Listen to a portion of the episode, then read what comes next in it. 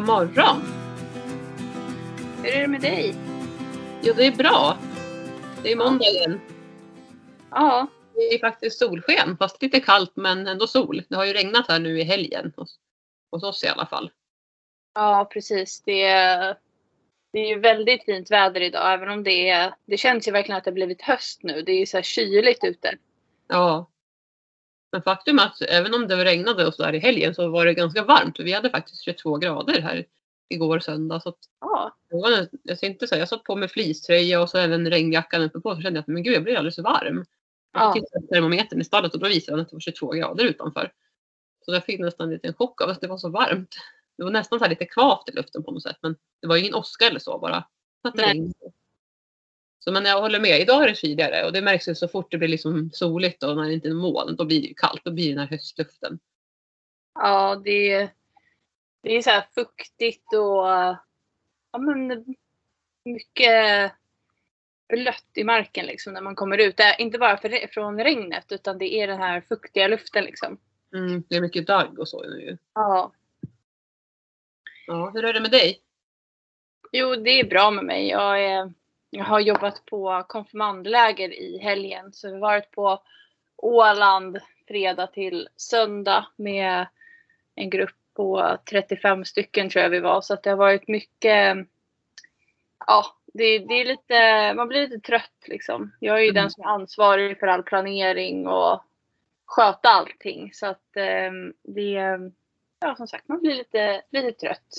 Mm. Ja, men det förstår jag. Ja, det är mycket intryck när det är så många. De är ju 14-15 år. Så att eh, Ja. det blir mycket ljud och liksom intryck som sagt. Mm. Jag förstår det. Men det har varit jätteroligt. Så att det, det, det blev väldigt lyckat och det är ju huvudsaken i alla fall. Ja, jag kan förstå att det också var efterlängtat eftersom att det blivit framflyttat som du har berättat. Ja, De här aktiviteterna. jo men verkligen. Och det är på, på ett sätt blev det faktiskt nästan bättre också för att nu hade vi också vi hade inte sol tyvärr, men det var mulet och med uppehåll. Och vi hade ju möjlighet att um, vara utomhus väldigt mycket. Mm. Ja, vad bra.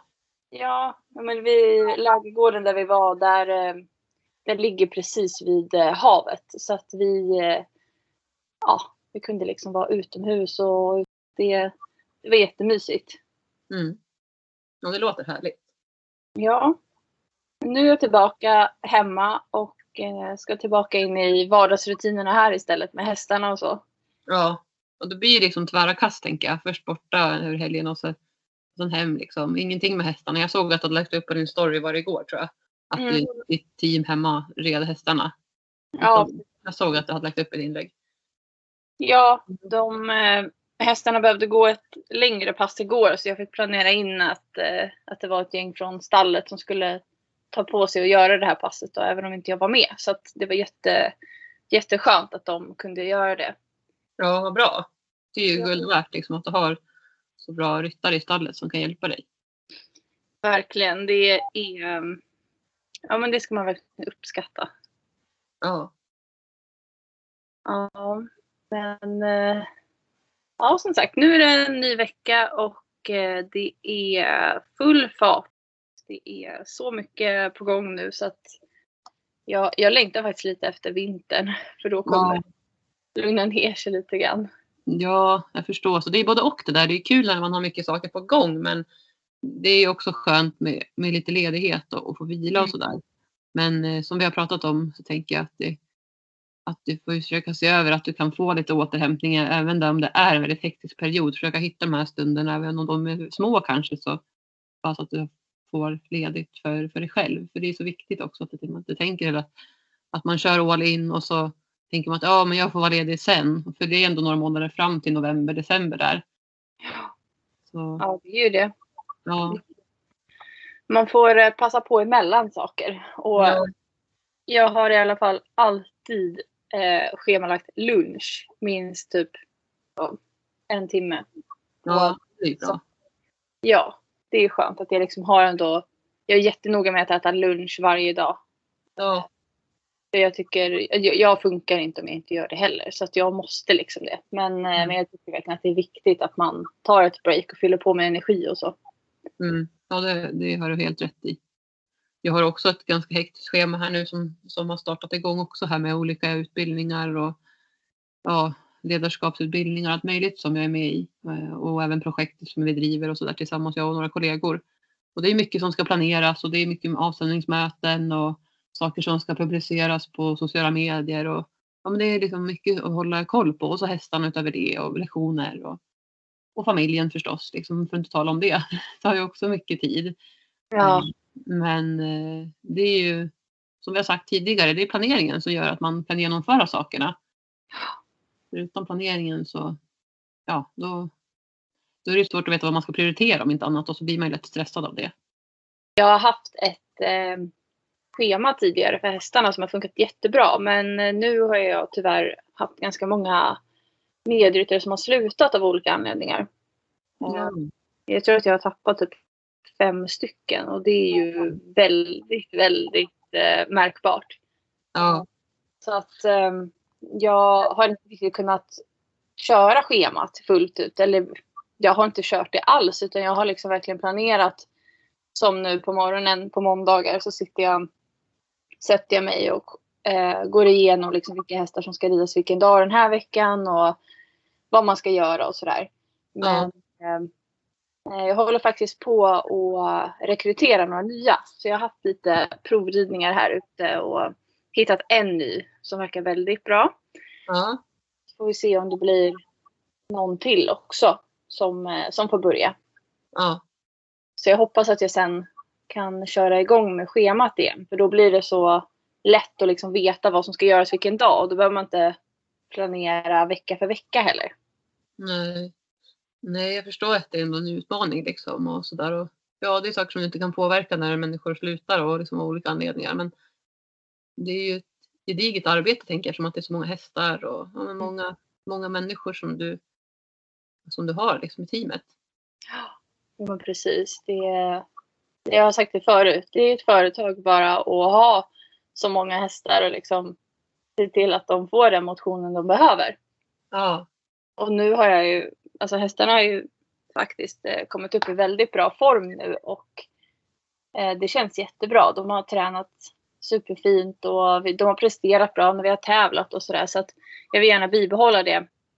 Och sen framåt, ja jag tror sista tävlingen är i början på oktober. Och så efter det sen så, så kommer de ta det lite lugnare. De som, eh, som har någon tävling kvar.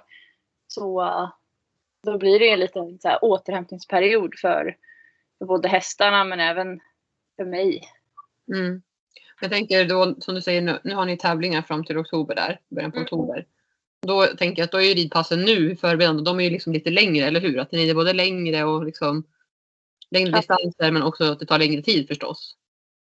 När tävlingarna är genomförda, då tänker jag att fortsätts de motioneras mer regelbundet fast att mycket kortare sträckor eller ställs de av lite mer eller hur?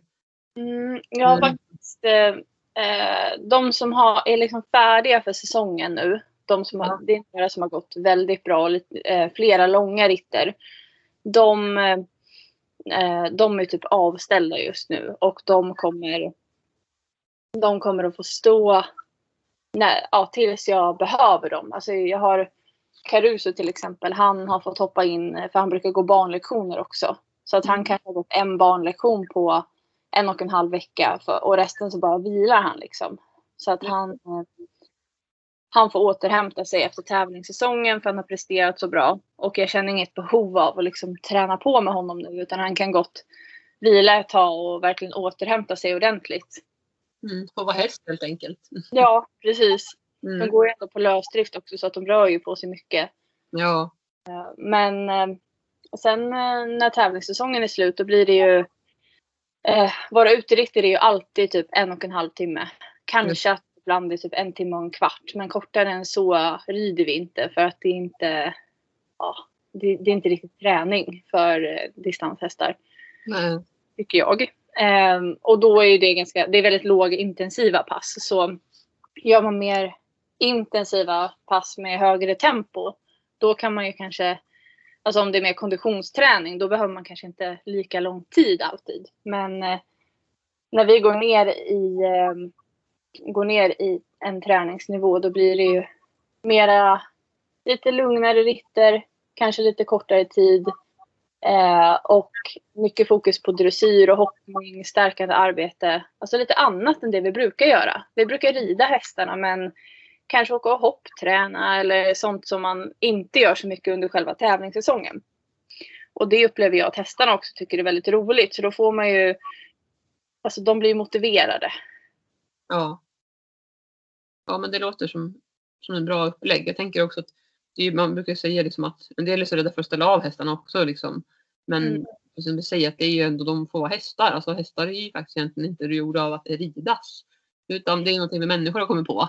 Eh, och som mm. säger, är de på lös, har man hästarna på lösdrift så får de ju röra på sig. För annars, jag, jag tror att det är alltid bra för hästarna att få lite vardaglig motion, att de får röra på sig så att de inte bara står helt still i en hage liksom, helt, eller i boxen. Att de bara står stilla hela tiden. Det är bra att de får röra på sig. Framförallt tänker jag också hästar som är vana att få röra på sig mycket. Som dina mm. då som tävlar så mycket och sådär. Och jag ser bara till Herman hur han har blivit så himla bra här efter hans problem som han har haft med hälta och så. Alltså jag tror att hade jag ställt av honom och inte haft lektioner med honom eller som han hade fått stå i hage bara varit liksom promenadhäst så tror inte jag att han hade mått speciellt bra om jag ska vara helt ärlig. Jag är ganska övertygad om att det är den här träningen, här lagom, att man liksom lägger träning på en lagom nivå för att få hästen hållbar. Mm.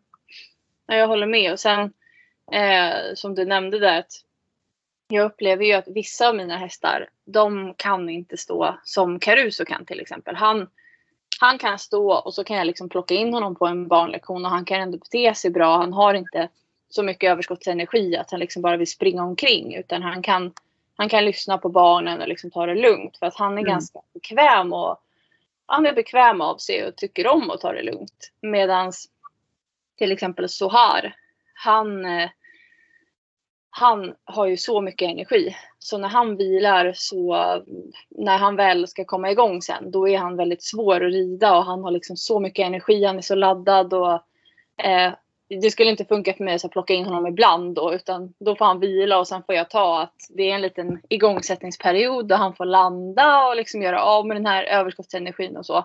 Mm. Men jag tänker att det är sånt man får ta och de är ju olika så behöver vila så får ni göra det. Så får man ju ta att det blir lite jobbigt att sätta igång den sen. Ja, nej men det kan jag jämföra också även med Gingis och Abbe till exempel. Gingis är sån här, det spelar liksom ingen roll hur mycket han har vilat eller vad det är han är ju oftast liksom samma hela tiden. Sen ibland visst han kan få släppa honom lös på ridbanan. Då kan han ju få såna ryck och så springer han om han, om han har vilat ett tag.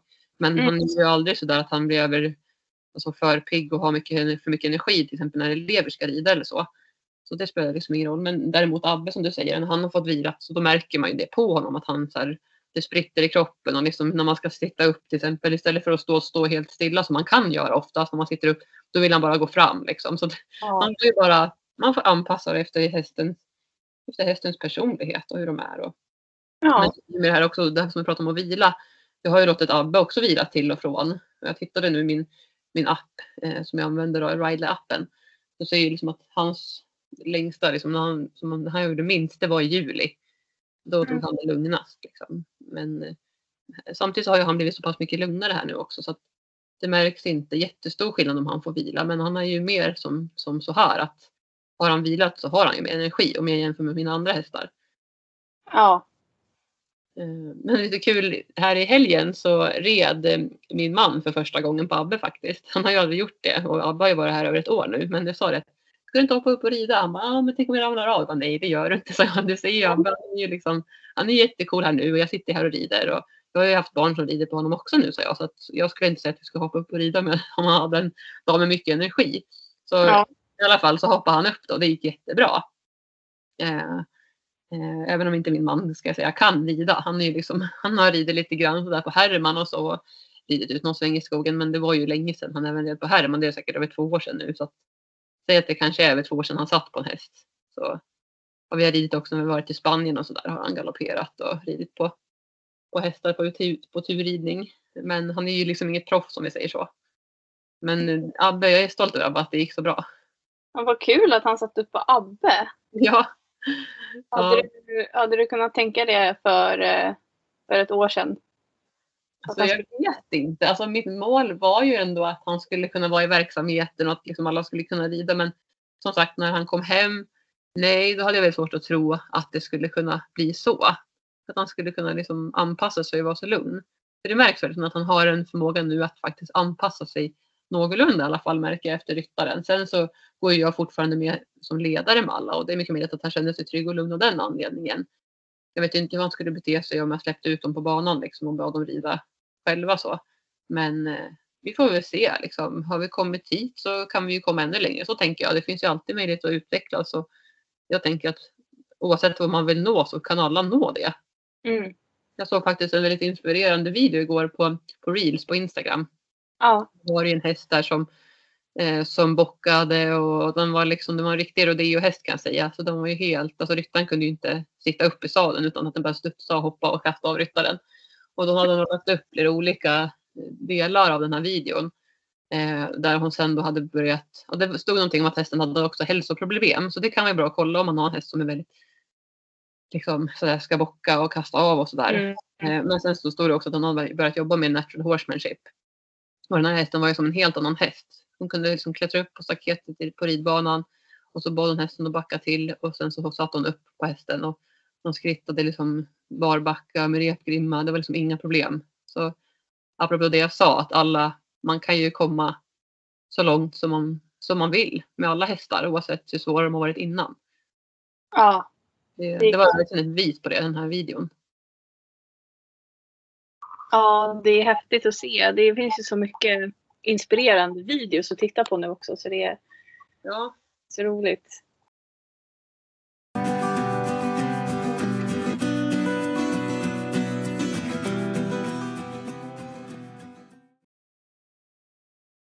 Jag har ju en häst kvar att presentera faktiskt.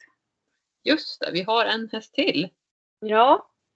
Och det, eh, det är så många hästar så det är lite svårt att hålla, hålla koll på eh, vilka vi har pratat om och så. Eller jag tycker det i alla fall. Så jag insåg här, faktiskt var det ju för någon vecka sedan. Eller ett par veckor sedan kanske. Som jag såg att jag inte hade presenterat eh, den ena hästen här hemma. Och um, det är väl, eh, ja men vi har pratat om så mycket, det har hänt så mycket saker. Så det har kommit av sig lite. Men eh, den, den hästen är ju då uh, Gamji. Ja. Och han är eh, sju år. ja. Eh, han är också ett arabiskt fullblod och en skimmel. Mm. Han och Orys är mina två mörkaste skimlar och det är också de som de flesta blandar ihop. Ehm, eller det är de som är det är vanligast att man blandar ihop. Men jag tycker ju själv att de är väldigt olika i utseendet. Speciellt, alltså de är väldigt olika huvud och så. Mm. De är ungefär samma storlek, eh, mankhöjden. Men eh, Gamji han har för tillfället i alla fall väldigt svart man. Och jag hoppas att han kommer få ha det länge. Men troligen så kommer den ju bli blekare och blekare med åren och till slut så kommer väl han bli få vit man. Mm. Men han kom hit, eh, nu ska vi se, 2018 om jag inte minns helt fel. Mm. Och han... Eh, ja, han, det tog ett litet tag att lära känna honom. Han, eh, han hade stått på vila då när han kom så jag skulle liksom ställa äh, sätta igång honom. Och han var ganska stökig för att han, när han vilar så blir han ganska, alltså han beter sig som att han är helt ouppfostrad fast han inte är det. Han liksom glömmer bort allting som han egentligen kan. Och Ja. ja men eh, när man var ute och gick med honom så kunde han liksom bara helt plötsligt typ stegra sig eller sparka bakut och bli här, ja, men, värsta rodeohästen. Eh, Ja. Av att han klev över en, en liten pinne eller någonting. Så att, eh, Mm. Det var mycket, mycket häst i litet format där i början. Mm. Eh, så att jag tyckte att det var svårt att, att hitta honom. Eh, men när jag väl eh, lärde känna honom och när vi väl kom en liten bit i själva igångsättningen så insåg jag att han var en otroligt trevlig häst att rida på. Och han, ehm, han har väldigt fina gångarter. Han är eh, för tillfället i alla fall är han eh, maxad D-ponny och jag hoppas att jag kommer kunna hålla honom på D-ponnymått eh, när jag slutmäter honom som åttaåring. Mm. Men eh, han, eh, ja men som sagt, han, han är liten. Men samtidigt så är han väldigt rejäl i kroppen och har stora gångarter så han känns verkligen inte liten att rida på. Mm. Han har väldigt vägvinnande gångarter. Så, och speciellt hans galopp är jättehärlig. Så jag älskar liksom att vara ute på uteritten och galoppera på honom. För man lägger så mycket mark under sig. Eh, Mm. och det känns så enkelt. Ja. Så um, ja men som, eh, som individ så är han väldigt, eh, han har en stark vilja. Samtidigt som han är väldigt, eh, alltså han lyssnar ju på en, han är lydig och schysst. Men han har väldigt bestämda åsikter. Eh, till exempel så är han eh, speciellt i pälssättning eller pälsfällning så är han väldigt känslig i sin päls. Och mm börjar det klia under sadeln när man är ute och rider, ja då kan han liksom börja sparka med bakbenet mot magen, så här under magen liksom. Mm. Och börja liksom kasta bak med eh, mulen mot sadeln. Eh, och i början så fattade inte jag vad han gjorde. Jag trodde ju att det var något obehag han kände liksom. Mm. Men nu vet jag att det är för att det börjar klia. Eh, när sadeln liksom rör sig lite då i den här pälsen som, som han sätter eller släpper. Mm. Och då vill han klia sig. Eh, så att eh, det var vid något tillfälle jag satt uppe på honom så liksom lät jag honom då kasta bak huvudet och då började han ju klia sig liksom under sadeln och då, Mm. då kliade jag honom där och då bara liksom stod han och njöt så insåg jag att okej, Det är där, där, då liksom då bara skriker han det kliar. Ja, men gud. Ja. Det Ja. måste vara jobbigt liksom, tänker jag. Ja. Och han är ju förmodligen inte ensam. Så jag har ju hört andra också som har sagt samma. här- Ja, De är väldigt kä- det är som pälskänsliga som du säger. Och jag tänker också värmen då under sadeln kan du säkert klia Mm. mer. exakt. Och han gör ju också så när man är ute och rider att ehm, när det kommer mycket buskar och så, då Ja. går in i buskarna. Eh, och jag trodde också att det var något fel på honom i början när han gjorde så. Men det är ju för att han kliar sig. Ja. Så alltså. När det kommer ett buskage så får man ju verkligen styra honom så att han inte går rakt in i det. För det är inte alltid lämpligt. Nej. Men, ehm, han har också liksom eh, gått förbi någon buske och sen bara stannat och lagt i backen. Då fattade jag inte heller vad som hände i början. Men eh, det är ju för att han vill klia sig mellan bakbenen under magen. Så Mm. då liksom står han där och kliar rumpan eh, i den här busken. Så att han är väldigt smart. Ja. Jag har faktiskt någon eh, väldigt gullig film på honom från i början när han, när han gör just det där med att klia sig i rumpan. Ehm, nej, så det, det är lite så typiskt honom. Han, eh, han har sina behov och då eh, är det liksom skrik och panik. Om det kliar, då måste han klia. Och hungrig är han alltid. Han älskar mat. Så Mm. Han tar sig gärna en tugga eller två på den här busken samtidigt som han kliar sig. Mm. Eh, men eh, sen så är han ju, han är inte en häst som jag kan sätta upp massa olika ryttare på utan han gillar att han känner ryttaren och han vill att ryttaren ska vara eh, stabil och inte vingla uppe på honom utan man ska, man ska vara följsam i sin ridning och eh, ha en, en mjuk ridning. Han gillar inte om man blir, eh, alltså om man är för eh, jag ska inte säga för tuff, men du vet, han är lite som ett sto. Så om han till exempel eh, får för sig att han inte vill gå fram på ett specifikt ställe. Då kan man inte bråka med honom och säga jo men nu får du gå här och så, så att man hamnar i konflikt. Utan då, då kan han sätta sig ännu mer på tvären. Mm. Ja, man måste liksom smeka lite medhårs också. Och så säga mer att ja men du kan gå förbi här, du är jättemodig, det går superbra. Så att man pushar lite mer liksom. Men han- Mm. Ja, han är- inte irriterad utan snarare liksom peppande. Ja, Ja. han är väldigt stoig. Mm. Eh, och egensinnig, envis. Mm. Så um, ja, men, jag har haft någon som har kommit hit och provridit som medryttare, fått prova honom och vid något tillfälle då tog han inte ett steg. Oj. Han, eh, nej, men han tyckte det var någonting han inte gillade med ryttaren. Och jag kunde inte se vad det var liksom. Men han bara så här, nej, jag tänker inte gå. Han piskade med svansen liksom och la bak öronen och bara, nej, jag gillar inte dig. Så- Ja, verkligen Ja. alltså. Ja. Ja. Sen så satt väl ryttaren och spände sig eller någonting. Han, han gillar inte när man liksom blir spänd i benen och typ kniper åt runt honom. Det då blir han jättesur. Så um, det var väl något sånt som den här ryttaren gjorde. Så jag fick ju, fick ju försiktigt säga att ja, men jag tror tyvärr inte vi matchar varandra så bra. Nej. Det är bra att han säger vad han tycker liksom. Han är noga med det. Ja.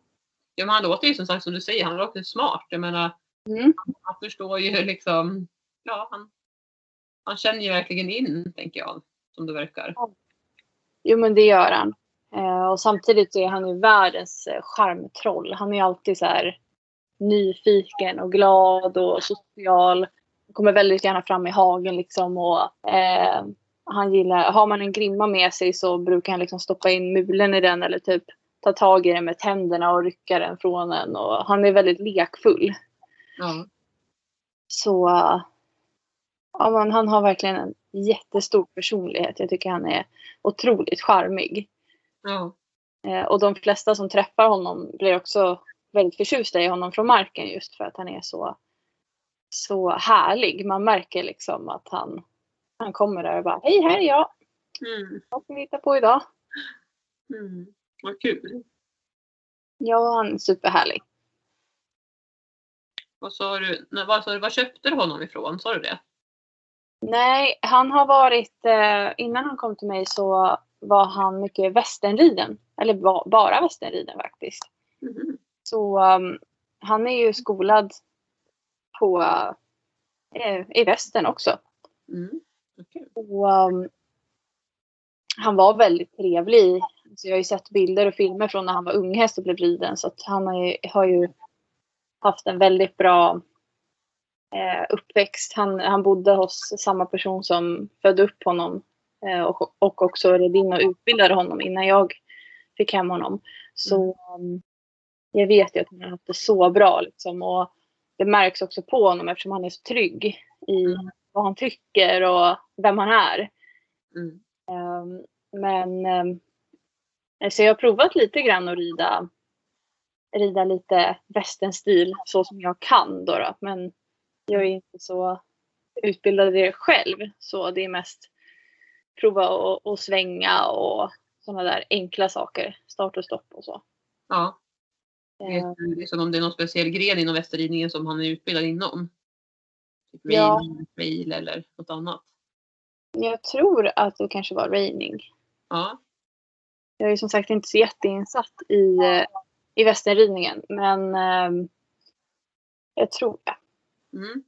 Så, eh, ja, nej, men det är roligt att ha en mångsidig häst. Och han är verkligen, eh, alltså han, han är väldigt mångsidig. Han eh, var väl, hade jättedålig teknik i början när jag började löshoppa och sådär. Men nu så har han jättefin teknik och kan hoppa bra.